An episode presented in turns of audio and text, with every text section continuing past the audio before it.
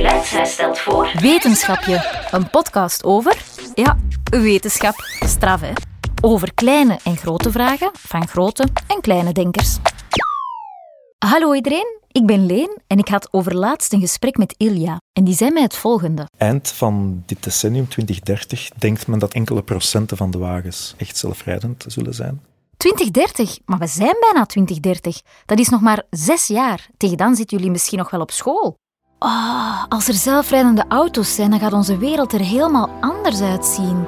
Niemand gaat nog een eigen auto nodig hebben, want je kan gewoon met je smartphone een auto bestellen die je dan vervoert naar waar je maar wil. Even bij oma langs, geen enkel probleem. En wie weet, zullen er nergens nog auto's voor de deur staan. Dat gaat prachtig zijn. En jullie moeten geen rijbewijs meer halen. Oh, het leven zal een pak makkelijker worden. Maar is zo'n zelfrijdende auto wel veilig? Hoe zorgt men ervoor dat hij kan zien wat hij moet zien? Welke ogen zou zo'n auto moeten hebben? Ja, dat wil ik wel eens weten. Welke ogen moet een zelfrijdende auto hebben? Eigenlijk is de zelfrijdende auto vandaag al een feit. Dit is Ilja Oket. Hij werkt bij IMEC en hij doet onderzoek naar de auto van morgen, de zelfrijdende auto.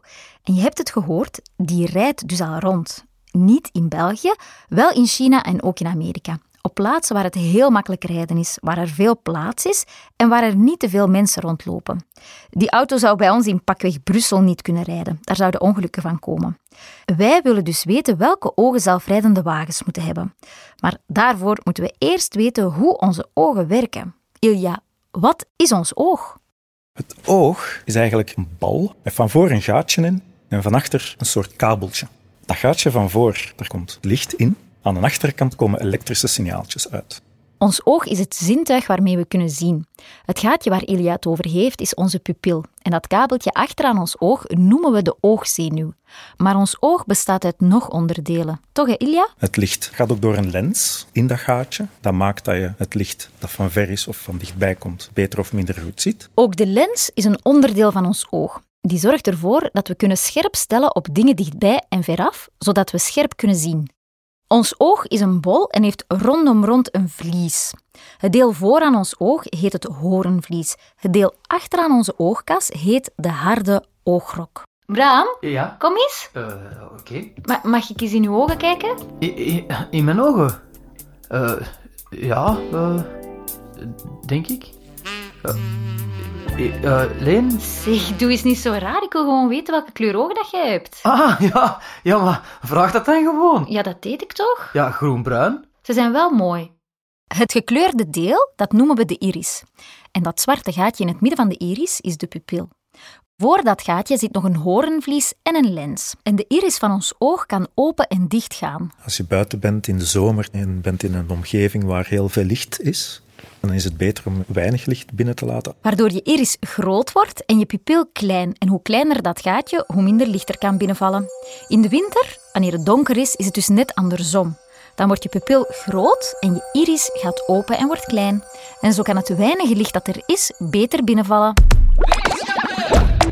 Het licht dat via je pupil je oog binnenkomt, valt op het netvlies. Wat is een netvlies?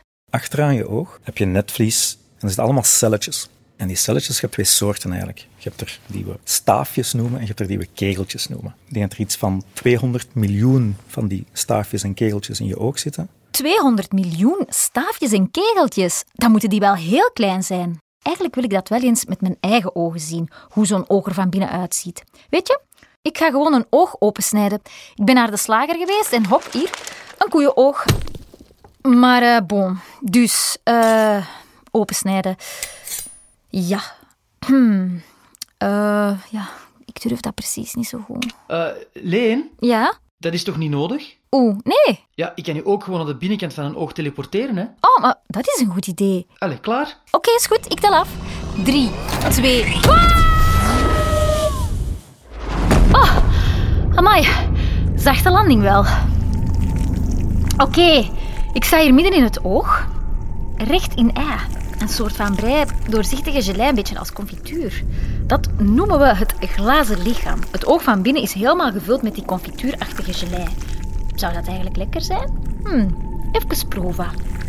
Ei, ugh, nee, oh, vies. Wacht, ik zwem even naar de achterkant van het oog. Voilà, aha. Hier is het netvlies.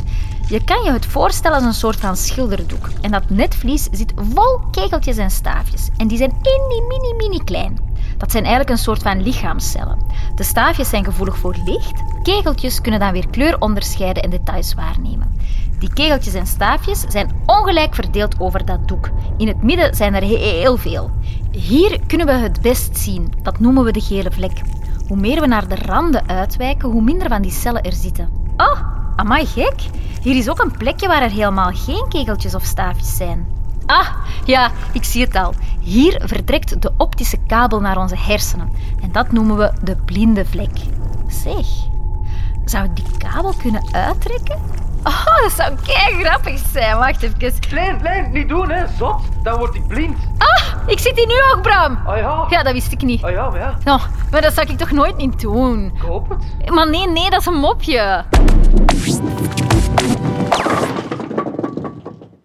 Zeg Ilja, die blinde vlek. Op die plek neemt ons oog geen beeld waar. Dat is eigenlijk letterlijk een zwart vlekje in het beeld dat ons oog maakt. Toch, hè? Ja, maar dat is geen probleem, want uw oog beweegt de hele tijd. En dat zwart vlekje, dat schuift dan ook heel de tijd. En er is altijd wel ergens een positie van uw oog waar dat, dat zwart vlekje dan opgevuld wordt met wel informatie. En zo maak je een volledig beeld. Ik vat even samen. Ons oog is een bal. Vooraan heb je het hoornvlies met onze iris, de lens en de pupil. Achteraan ons oog heb je het netvlies. Dat bestaat uit miljoenen kegeltjes en staafjes. En onze oogbal is opgevuld met een soort van gelei, het glazen lichaam. Dat zorgt ervoor dat ons oog een bal is en niet plat. Uitwendig heeft ons oog ook oogleden, wimpers en een traankanaaltje dat ervoor zorgt dat ons oog vochtig is en proper blijft. We weten nu hoe ons oog eruit ziet, maar hoe kunnen we nu zien? De ogen communiceren met de hersenen door de optische zenuw. De optische zenuw, dat is die kabel, die is verbonden met de visuele schors ergens achteraan in onze hersenen. En daar gebeurt het echte zien. Die kabel die loopt tussen je ogen en je hersenen zijn eigenlijk hele lange cellen met een axon heet dat. Dat is een stukje weefsel waar een elektrische puls zich op kan voortplanten tot bij je hersenen. Uh, axon, weefsel, elektrische puls. Wacht even. Dat zijn allemaal heel erg moeilijke woorden, maar eigenlijk komt het gewoon hierop neer. Het signaaltje dat van achter uit die keeltjes en staafjes komt, zijn mini-elektrische schokjes. Dus het licht valt op het netvlies, de keeltjes en staafjes beginnen te bewegen en sturen elektrische signaaltjes via die optische kabel tot bij onze hersenen. En daar interpreteren de hersenen het beeld dat ons oog heeft gemaakt. Het zotte is dat we eigenlijk een onderstebovenbeeld aankrijgen.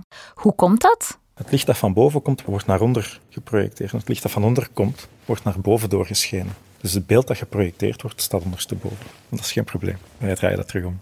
Onze hersenen interpreteren dat beeld en draaien dat om. Mocht dat omdraaideel in onze hersenen kapot zijn, dan zouden wij alles ondersteboven zien. Dan zou het lijken alsof uw mama ondersteboven een plafond loopt, appels omhoog vallen in plaats van naar beneden en vleermuizen rechtop staan in plaats van hangen. Dat is pas de omgekeerde wereld. We hebben twee ogen, dus we krijgen twee beelden op ons netvlies die niet helemaal hetzelfde zijn. En toch maken onze hersenen daar één beeld van. We zien afstand omdat we twee ogen hebben. Het licht dat in die twee ogen valt, heeft een lichtjes ander patroon voor objecten die dichtbij of ver staan. En die informatie kunnen je hersenen gebruiken om in te schatten hoe ver of hoe dicht iets zich bevindt ten opzichte van de ogen. Je moet maar eens proberen om met één oog dicht een bal te vangen. Ja, Bram, ik ga dat proberen. Gooi maar. Ah! Ja, dat gaat dus niet, hè? Het is omdat we door twee ogen kijken dat we dieptezicht hebben en dat we afstand kunnen zien. Even samenvatten. Van achter in ons oog is er een netvlies. Het licht dat via onze pupil ons oog binnenkomt, valt op dat netvlies. De kegeltjes en staafjes maken van dat licht elektrische pulsjes die via de optische kabel naar onze hersenen gaat. En in onze hersenen worden die beelden geïnterpreteerd en weten we wat we zien.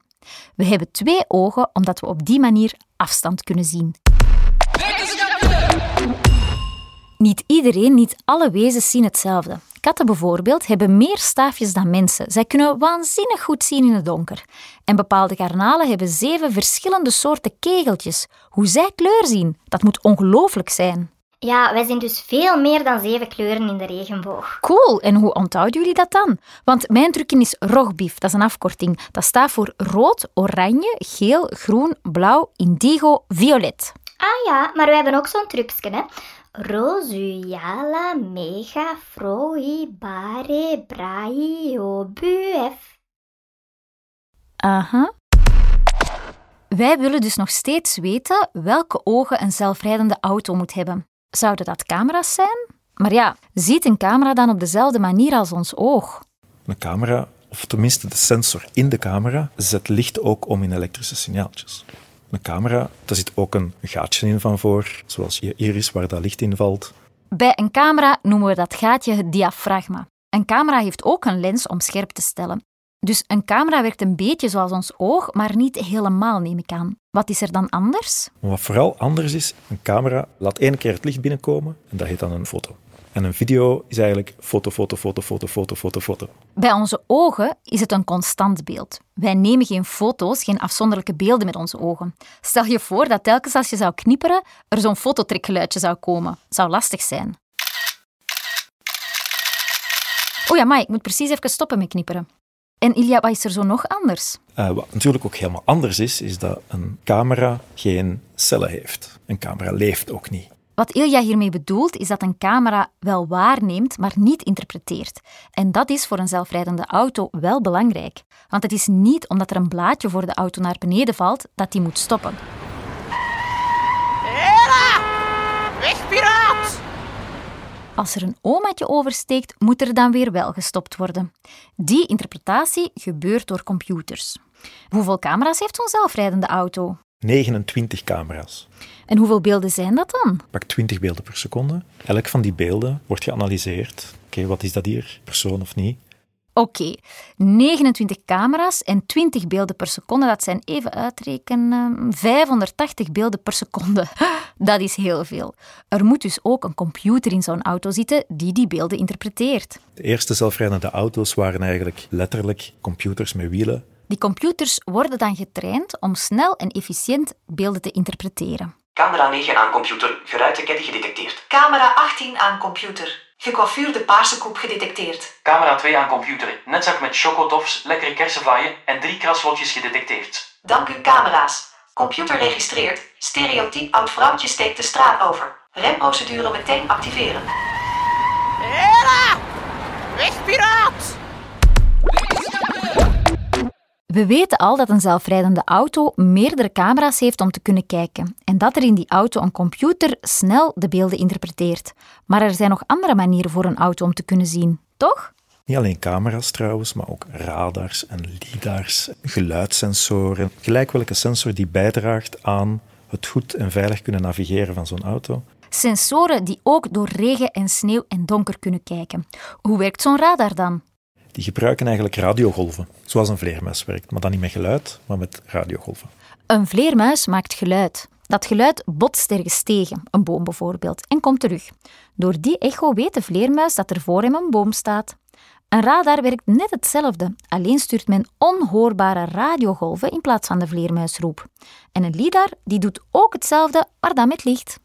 Interessant is de laatste zoveel jaren is dat we ook op zoek gaan naar licht zien dat niet zichtbaar licht is, dat niet in de regenboog zit. Omdat, als je dat soort licht ook kan zien, kan je bijvoorbeeld een beetje beter door mist kijken. Zonder licht kunnen we niet zien. Het licht zelf heeft alle kleuren van de regenboog in zich. Licht beweegt zich voort door de lucht als golven en de lengte van de golf bepaalt welke kleur het licht heeft. Als het licht op een voorwerp valt, dan zal dat voorwerp sommige lichtgolven absorberen en andere terugkaatsen. De kleur licht die teruggekaatst wordt, is de kleur die wij zien. Dus IMEC maakt receptoren om beter te kunnen zien, zodat de zelfrijdende auto een feit wordt. Wanneer denk je dat ze ook hier in België zullen rondrijden? Eind van dit decennium, 2030, denkt men dat er enkele procenten van de wagens echt zelfrijdend uh, zullen zijn. Ja, zoals ik al zei, dat is binnen zes jaar al. Hè? Dan gaan jullie nog naar school. Welke obstakels moeten er nog overwonnen worden? Wel, de technische moeilijkheden zijn nog. Die computer dat daar moet in zitten is te groot, te zwaar, gaat te veel energie verbruiken. De sensoren moeten nog beter. We We willen geen honderdduizenden euro's betalen voor zelfrijdende wagens. Dat moet betaalbaar blijven, dus het moet goedkoper. Aan de andere kant, aan de niet-technische kant, zijn er obstakels bij de mensen zelf. Mensen willen niet per se een zelfrijdende auto. Mensen zitten graag aan het stuur. Wie gaat die eigenlijk kopen? Het zou wel eens kunnen dat dat niet in privébezit gaat zijn, maar dat de stad honderden zelfrijdende auto's gaat kopen om een, ja, eigenlijk gewoon een openbaar vervoerssysteem maken met auto's. En dan is er de wetgeving. Het moet mogen om zoiets als een zelfrijdende wagen op onze straten te laten rijden. Als er iets gebeurt, wiens schuld is dat? De zelfrijdende auto crasht nog op een paar obstakels. Maar welke ogen moet een zelfrijdende auto hebben? Zelfrijdende wagens moeten ogen hebben die alle kleuren van de regenboog zien en nog meer. Dat die auto's super, super veilig kunnen rondrijden.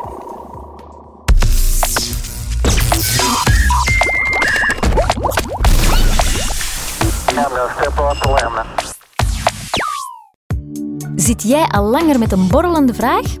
Stel ze gerust aan leen.geluidshuis.be. Wie weet maak ik er wel een heel wetenschapje van. Dit was Wetenschapje, met de vakkundige kennis van Ilja Oket met de steun van IMEC. Wetenschapje is een productie van het Geluidshuis. Concept, host en regie, Leen Renders. Klank en muziek, Bram Kouwmans. Illustratie, Sam van Bellen. Met hulp achter de schermen van Katarina Martinovski, Laure Buts, Pieter-Jan Vinks en Marijke Gutes. Heb je genoten van deze aflevering? Geef dan een score of laat een recensie na. Zo vinden anderen ook de weg naar deze podcast. Op wetenschapje.be vind je meer info en onze andere producties zoals Piet Vladdermuis en het hart van de Yeti en heerlijk hoorspel De Haan Kantenkleer. Dag wetenschappers, tot snel! Leen, Ja? staan uw pupillen klaar om groter te worden? Want ik ga het licht uit doen, hè. Ja, doe maar.